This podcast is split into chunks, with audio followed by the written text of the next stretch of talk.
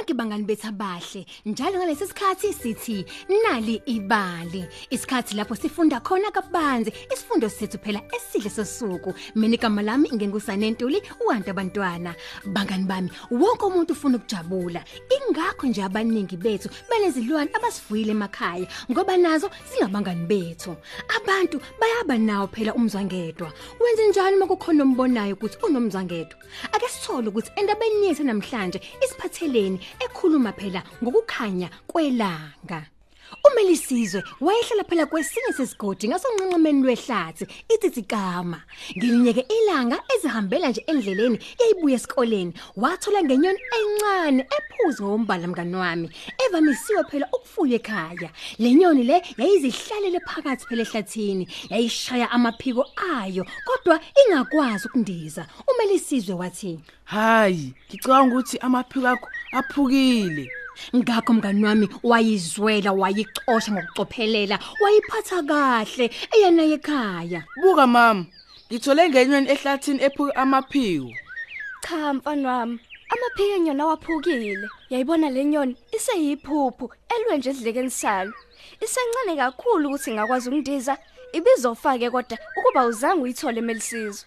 ngakho ke umelisizwe nomama wakhe benza nje ikotishana elincane lendlu yenyoni base beyifaka phakathi bayibeka phezulu kombhedo amaqabunga ukade uqinzi umelisizwe wayesesike kuyona uma usukhulile amaphiko akhe azokufudumeza azokukhulisa ukuphuma kwelanga ngakho ke ngizokubiza usunshine. Nangempela umelisizwe wayephakela njalo ekseni nantambama eyinikeza nopeseni wamanzi owembewu noswidi kanye namaqabunga espinash awu inyoni bandle encane iphuphu yakhula yaba namadla ngokwanele ukuba phela indize ngaphakathi ekotishini layo. Ngesikhathi kumelisizwe phela eyesikoleni ekseni usunshine wayesala yedwa ekotishini lendlu yakhe. Ngesikhathi futhi umelisizwe edlala ngaphandle nomngeni wakhe phela umibhono bedlala phela ngobumba usunshine yena mm, wayesala yedwa ekotishini lakhe. Ngesikhathi futhi umelisizwe ezilolonga phela ngokungcweka novuyo usunshine futhi wayesala yedwa ekotishini lakhe. Ngokunye kukusekuseni ngesikhathi umelisizwe ephuzisa inyoni yakhe amanzi eyipha nje kanye nembewu encane efanele phela izinyoni. Wakhuluma kwinyoni wathi kungani uthule sunshine? Ngizwile ezinye izinoni efana nawe sihlabelela lapha ehlathini. Kungani ungabahlabeleli wena njengazo Mina ngikwazi ukucula. Inhliziyo yami idangele. kungani idangele Igama lami ngingusunshine. Kodwa ngikaze ngilibone ilanga ngoba ngingedwa kuleli kotishi. ngizolibeka ngaphandleke ikotishi lakho uphephile phela kwikotishi lakho uphephile ezinyokeni kanye nasemakatini asendle uphephile uma unami Ngiphephile melisizwe. Kodwa ikhaya lami lisehlathini lapho ngizokwazi ukwakha khona idleke esifudumele esihlahleni. Ikhaya lami linazo zonke izinyoni ezifana nami lapho sizokwazi ukwamukela usuku ngeculo. Ngingedwa lana kuleli kotishi. Ngakho angikwazi ukucula. angimele ube wedwa ngizothola enye inyoni efana nawe nse ukuze uzokwazi ukuchithisa isizungu. Kwakushumelisizwe nangempela wabe segijimela ngasemnyango kena zokwazi phela ukugcina isikhathi sokuya esikoleni noma ibhono kanye novuyo. Ngaleyo ntambama ke umelisizwe wacela wathi mama ngingakwazi ukodlala noma ibhono. Sifuna ukwenza isibaya ngezinduku nangobumba lwethu. Ay cha mfana wami. Namhlanje kuzomela uhlale wedwa ngaphansi la endlini lapho uzophepha khona. Mina ngisaya kwamakhelana okwesikhashana nje.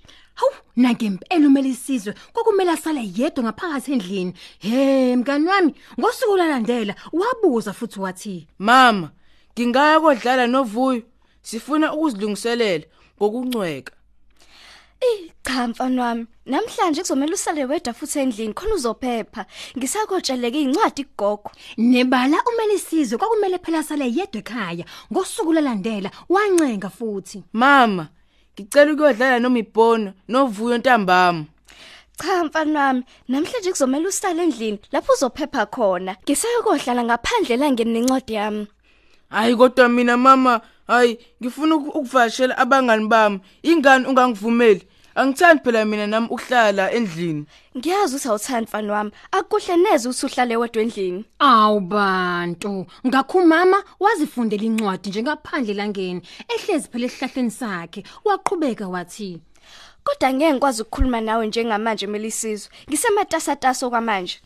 Umelisizwe wahlala phansi ngokuthula abantu. Amehlo akhe egcwele inyembezi. Wabuka sunshine iphupho elincane lenyoni naye futhi yambuka. Kungazelele umelisizwe wafikela ukuyizwela phantu inhliziyo yakhe yaba nesisindo sokuphatheka kabi. Wayesethi Ngiyaxolisa sunshine. Hawu, washolo phansi ngephimbo lalipholile. Ngokusekwalandela esebheke esikoleni, uMelisizwe wathatha phela ikotishi. Umama wakhe wamoyizela wabe semqabula. USunshine yena wathi, Mm, nenhliziyo enhle. Esefikile ke ehlathini, uMelisizwe wama ngaphansi kwesihlahla esikhulu, wabeka phansi ikotishi elincane phela lephuphi yenyoni, wabe sevula umnyango walo, wathi, Usungandiza ke manje sunshine. Usukhululekile.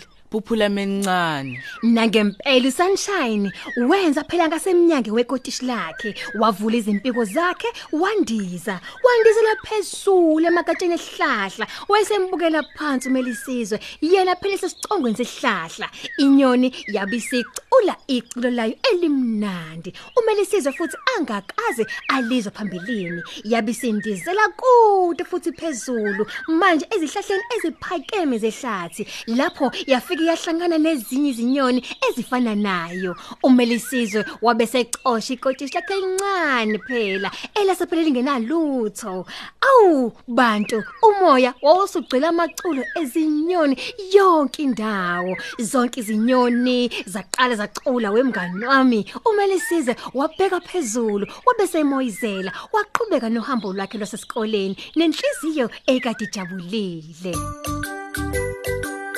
Hayike sesimaphethelweni endaba yethu yenamhlanje esiyethulelwa iNalibali. Ungaba ingxenye yeStory Power neNalibali uzifundele izindaba nama enini ngesikhathi osithandayo.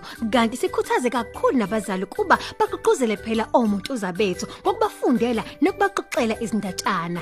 Kanti ungangena na kwiwebsite yethu ethi nalibali.mobi ngomakhala kokhin wakho uzitholele izindaba eziningi ngolimi lwakho noma uthole ikhophi nalibali njalo ngamasonto ephepheni lakho iSunday World. Kanti sikhona ku Mixit na ku Facebook mina ngingusanentuli uwantu abantwana nenalibali sithi walethe ekhaya amandla endaba. Ni sale kahle.